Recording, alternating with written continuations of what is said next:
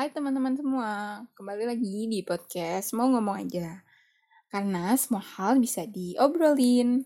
Nah, buat yang bingung, um, kok aku sendiri aja nih? Misalnya kan sama Zelda. Uh, Oke, okay, biar aku jelasin sedikit. Jadi, seperti yang udah disinggung di podcast sebelumnya, buat yang belum uh, dengerin podcastku yang sebelumnya, go check out on Spotify. Uh, Oke, aku sama Zelda tuh jadi kayak bikin semacam program atau segmen baru dari podcast ini. Nah, namanya tuh Peki atau Perspektif Kita. Dan perspektifku akan menjadi pembuka untuk segmen ini. Yay! Oke, jadi karena di segmen ini kita bakal sharing-sharing tentang perspektif atau mungkin um, pembahasan lebih dalam tentang sesuatu ya. Uh, nggak sebenarnya nggak lama-lama banget sih, kayak nggak bisa nentuin juga sih durasinya. Intinya nggak selama yang aku sama Zelda berbincang pokoknya. Nah um, untuk uh, segmen kali ini aku pengen banget nih ngebahas sesuatu yang selama ini mungkin udah banyak banget orang yang um, apa ya orang udah sadar ataupun belum. Tapi kayak yang udah sadar tuh kayak ah yaudahlah gimana lagi? gitu dan uh, aku rasa tuh kayak harusnya ada seseorang deh yang ngebahasnya gitu. Mungkin memang ada, tapi yaudahlah ya, mumpung aku sama Zelda punya podcast, jadi aku sekalian aja bahas di podcast kita. Oke, okay, untuk um, awal mungkin aku akan membahas uh, kita sebagai makhluk sosial ini pastinya kan gak lepas dari yang namanya interaksi sama sesama dong. Karena kan kita nih sekalipun um, mungkin kamu ngerasanya kamu nih orangnya mandiri banget. I don't need anyone else in my life gitu. Tapi sebenarnya kita itu tetap membutuhkan orang lain di hidup kita gitu. Karena pasti ada aja satu hal yang kita tuh emang gak bisa kerjain sendiri gitu. Karena satu dan lain hal gitu. Kalau misal nih aku uh, aku nih takutnya sama kecoa misal. Nggak misal sih emang beneran. Nah pas di kosan itu ke, uh, kebetulan banyak kecoa gitu kan eh, di kosan kalau pas lagi liburan. Nah aku karena aku takut otomatis aku butuh dong uh, apa namanya bantuan dari teman-teman kosan yang lain. Nah maka dari itu uh, kita ini sebagai makhluk sosial memang membutuhkan uh, orang lain dalam hidup kita ya. Tapi ya nggak semerta-merta kita cuman interaksi nih sama orang ya pas lagi butuh ya itu nggak bener ya guys. Pokoknya nggak boleh kayak gitu Nah, karena berinteraksi, bersosialisasi juga dengan orang-orang itu adalah hal-hal yang um, menjadi esensi dalam makhluk sosial tanpa kita sadar. Nah, oke, okay, jadi waktu itu tuh ada cerita yang menarik nih. Uh, kasus ya sebenarnya ini tuh kasus. Nah, tapi itu aku lupa uh, detailnya gimana. Pokoknya waktu itu aku lagi baca buku atau jurnal masih seputaran komunik dunia komunikasi gitu.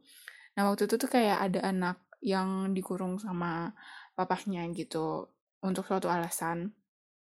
Dan bahkan dia nggak diizinkan untuk interaksi even sama keluarganya sendiri. Nah uh, itu berlangsung lama. Terus by the time dia tumbuh dan berkembang, dia jadinya kayak uh, keterbelakangan mental gitu karena dia tidak diizinkan untuk mendapatkan pelajaran yang uh, apa ya pelajaran kan kalau keluarga itu merupakan sekolah pertama ya buat uh, anak-anak. Nah dia tuh nggak bisa mendapatkan itu sehingga mungkin dia uh, apa namanya dia nggak dia nggak berkesempatan dapat itu. Terus uh, akhirnya dia mengalami keterbelakangan mental dan untuk anak-anak usia dia kan harusnya udah bisa berbicara nih. Nah dia tuh belum bisa karena uh, karena orang tuanya atau papahnya itu membatasi dia untuk berinteraksi. Nah waktu pas um, para ahli menemukan dia dia uh, para ahli tuh kayak kaget gitu wow ternyata ini bisa terjadi gitu kayak suatu fenomena yang tidak biasa gitu. Nah dari cerita itu kita, um, kita narik kesimpulan bahwa memang benar esensinya makhluk sosial itu sangat butuh komunikasi dengan orang gitu ya. Waktu itu kalau nggak salah Zelda pernah ngomong uh, dia tuh uh, apa dan aku percaya gitu bukan percaya sih kayak emang aku setuju sama statement dia. Jadi dia dia pernah ngomong uh, dia percaya bahwa setiap orang itu punya uh, punya apa yang dia nggak punya gitu. Jadi kayak kita semua tuh punya keunikan tersendiri gitu. Nah, dari ini kita berinteraksi dan bersosialisasi sama orang, otomatis kita akan kayak menjalin uh, relasi gitu dong sama uh, orang gitu. Jadi kayak kita punya hubungan pertemanan, persahabatan atau bahkan uh, pacar gitu kan. Nah, pokoknya bahas tentang pertemanan nih. Uh, tentang uh, kalau misalnya dapat teman baru gitu ya, even lo orang terfriendly sedunia pasti kalau dapet teman baru tuh rasanya seneng banget dengan kayak oh gue dapet teman baru gitu atau mungkin nggak seneng banget gitu tapi kalau for me personally gue seneng dapet teman baru gitu karena kayak apa ya dapet um, apa sih kayak perspektif baru relasi baru pokoknya seneng deh dapet teman baru. Uh, buat dapet temen curhat baru kan jadi kayak pandangan-pandangan dia mungkin beda sama pandangan-pandangan temen gue gitu kan yang lainnya. Nah hmm, terus dari pertemanan itu mungkin kayak ngerasa wah gila gue happy banget nih ini circle gue gitu kan. Uh, ini ini geng gue pokoknya uh, we against the world lah. Waktu itu gue pernah ngerasa kayak gitu nah namanya uh, hubungan hubungan itu kan pasti nggak ada yang statis. Maksudnya nggak ada yang apa ya pokoknya nggak ada yang melulu kayak misalnya seneng terus gitu. Pasti kan ada aja dinamisnya kan kayak wah gue pernah pastinya kesel sama teman sendiri pastinya pernah lah. Cuma mungkin ada yang uh, dan take it personally gitu. Jadi kayak eh, ya udahlah santai aja gitu. Jadinya hubungannya oke oke aja. Tapi kan pastinya ada aja hubungan yang naik turun gitu loh. Jadi kayak ada yang kesel ada yang enggak ada yang baik-baik aja ada yang happy happy aja gitu kan. Karena balik lagi semua itu semua hubungan itu dinamis. Nah uh, kemungkinan terburuknya dari pertemanan adalah mungkin kita uh, pastinya kehilangan teman kita atau bahkan um, kita jadi kayak stranger kita nggak kenal lagi sama dia gitu kan. Karena suatu alasan atau ya pokoknya karena suatu alasan karena kita uh, pernah ada miskomunikasi ataupun kita ya pokoknya berantem lah ya gimana temen pasti pernah. Dan pasti kayaknya um, banyak orang yang sudah merasakan kehilangan temennya. Kehilangan tuh dalam arti ya dia berantem awalnya tuh everything everything is fine gitu. Jadi kayak semua uh, temennya tuh ya udah temennya se-circle gitu. Kayak oke okay, itu temen gue. Kita kita sefrekuensi kita kayak BFF banget deh gitu kan. Nah tapi pasti ada aja nih yang kayak nge-crash gitu kan. Nanti berantem terus atau eh gimana lah pokoknya nanti terus kita uh, pas lagi berantem tuh nganggepnya kok dia berubah ya? Maksudnya mungkin yang udah berantem nih. Berantem terus kayak nggak bisa diselesain atau kayak ya udah akhirnya dengan ideologi masing-masing akhirnya mereka memilih untuk udah nggak berteman lagi istilahnya udah nggak segeng lagi udah nggak sefrekuensi lagi gitu. Nah terus dari situ nanti pasti kita kayak ngelihat uh, pasti ada aja deh orang yang kayak nganggep wah kok dia kayak berubah ya? gitu. Waktu itu dia sama gue nggak kayak gini kok dia berubah? gitu. Padahal mungkin sebenarnya pas sama kita uh, itu memang sebenarnya mungkin memang itu dia gitu. Tapi mungkin sama kita dia memang tidak menunjukkan sisi itu gitu. Jadi ya memang itu dirinya gitu. Nah akhirnya dari pas kita tahu sifat asli dia dan mungkin kita tidak seideologi kan kita udah nggak milih um, berteman ya sama dia. Terus akhirnya kita lost kontak ataupun uh, pertemanan yang nggak uh, dari nggak diakhiri berantem tapi tiba-tiba lost kontak itu banyak banget karena mungkin um, suatu keada suatu keadaan dan kondisi gitu loh.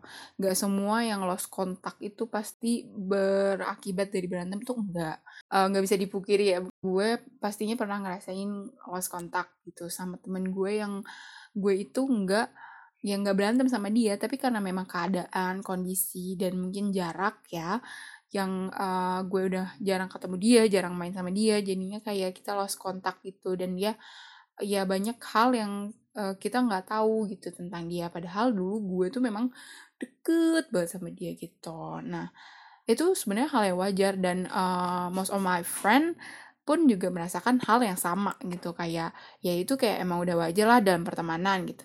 Tapi uh, yang mau gue tekanin di sini adalah kalau misalnya memang masih bisa dijaga silaturahminya ya mbok dijaga aja. Terus kita tetap harus berbuat baik gitu loh. Di sini uh, disclaimer juga ya bukannya gue ngomong kayak gini maksudnya kayak tetap berbuat baik apa Allah emang lo udah baik. Ya memang kan uh, kita semua itu belajar untuk menjadi yang baik ya. Jadi uh, walaupun emang semua manusia tuh nggak luput dari salah-salah kata atau perbuatan tapi kan seenggaknya kita tuh um, berusaha untuk menjadi yang lebih baik lagi nah terus balik lagi ke konteks lost kontak ini. Untuk lost kontak yang gue rasain ini adalah karena ya karena suatu keadaan dan kondisi gitu. Dan ada sih memang yang uh, udah beda pandangan, udah beda ideologi. Jadi gue udah lost kontak sama dia. Yang tadinya emang gue deket banget sama dia, tapi sekarang gue udah udah yang udah nggak pernah lah pokoknya temenan. But it's fine, kayak it's totally fine karena itu semua itu kayak wajar. Tapi yang gak wajar adalah ketika lo lost kontak tapi lo malah kayak dendam ataupun lo nyebarin rahasia yang waktu itu lo pegang sama mereka gitu jadi kayak pasti kan pas uh, menjalin suatu pertemanan kan ada aja ya uh, kita suka cerita-cerita tentang hal yang kita kasih taunya cuma ke dia doang atau gimana nah uh, sebisa mungkin kita keep it to ourselves aja. Rahasia yang apa pun yang dia pegang gitu. Jangan semata-mata kita udah lost kontak sama teman kita terus habis itu kita uh, ngebeberi ngejelek-jelekin yang enggak juga ya. Karena kan semua itu ada waktunya gitu. Orang itu uh, silih berganti gitu. Orang itu pergi datang dan uh, orang itu per, datang dan pergi gitu. Jadi emang nggak semuanya netap gitu. Jadi ya udah pokoknya kalau misalnya emang masih bisa dijaga silaturahminya dijaga aja terus tetap berbuat baik sama siapa pun. Karena berbuat baik itu bener-bener nggak ada ruginya sama sekali guys. Karena kan berbuat baik itu bisa apa ya secara nggak sadar itu bikin seneng ke diri kita sendiri loh kalau kalian nggak sadar. Uh, kalau kita habis berbuat baik nih misal kita habis beramal apa gimana pasti kan uh, kita kayak hati kita tuh seneng gitu ya karena nih uh, ada survei juga yang bilang uh, berbuat baik itu juga bisa um, menimbulkan kesehatan emosional yang baik. BTW ini gue baca dari uh, artikel Tempo ya. Jadi kayak pas kita berbuat baik nih, tubuh kita uh, kayak memproduksi gitu, memproduksi uh, dopamin. Jadi zat kimia yang berhubungan dengan pikiran positif gitu. Jadi kalau kita ngelakuin perbuatan yang baik, terus kita tuh akan merasa baik, terus kita akan seneng gitu. Nah nanti juga akan ada uh, apa ya, namanya itu hormon apa? Uh, pokoknya kayak endorfin gitu. Nah, endorfin tuh kayak yang buat ngemicu rasa senang gitu deh pokoknya. Itu juga baik buat kesehatan mental kita. Kesehatan mental, kesehatan emosional, or everything gitu. Terus ya buat uh, apa ya? Gak ada ruginya deh, pokoknya berbuat baik. Jadi jangan capek ya berbuat baik. Even kalau misalnya kalian dibohongin sama teman kalian atau sama siapa pun ya kalian gak usah bales ngebohongin. Karena kalau misalnya kalian ngebales perbuatannya berarti ya kalian sama aja dong kayak mereka. Hmm kayaknya udah cukup panjang ya cuap-cuap gue. Oke deh segitu dulu ya segmen perspektif kita kali ini. Don't forget to listen podcast mau ngomong aja in another episode ya guys. See you bye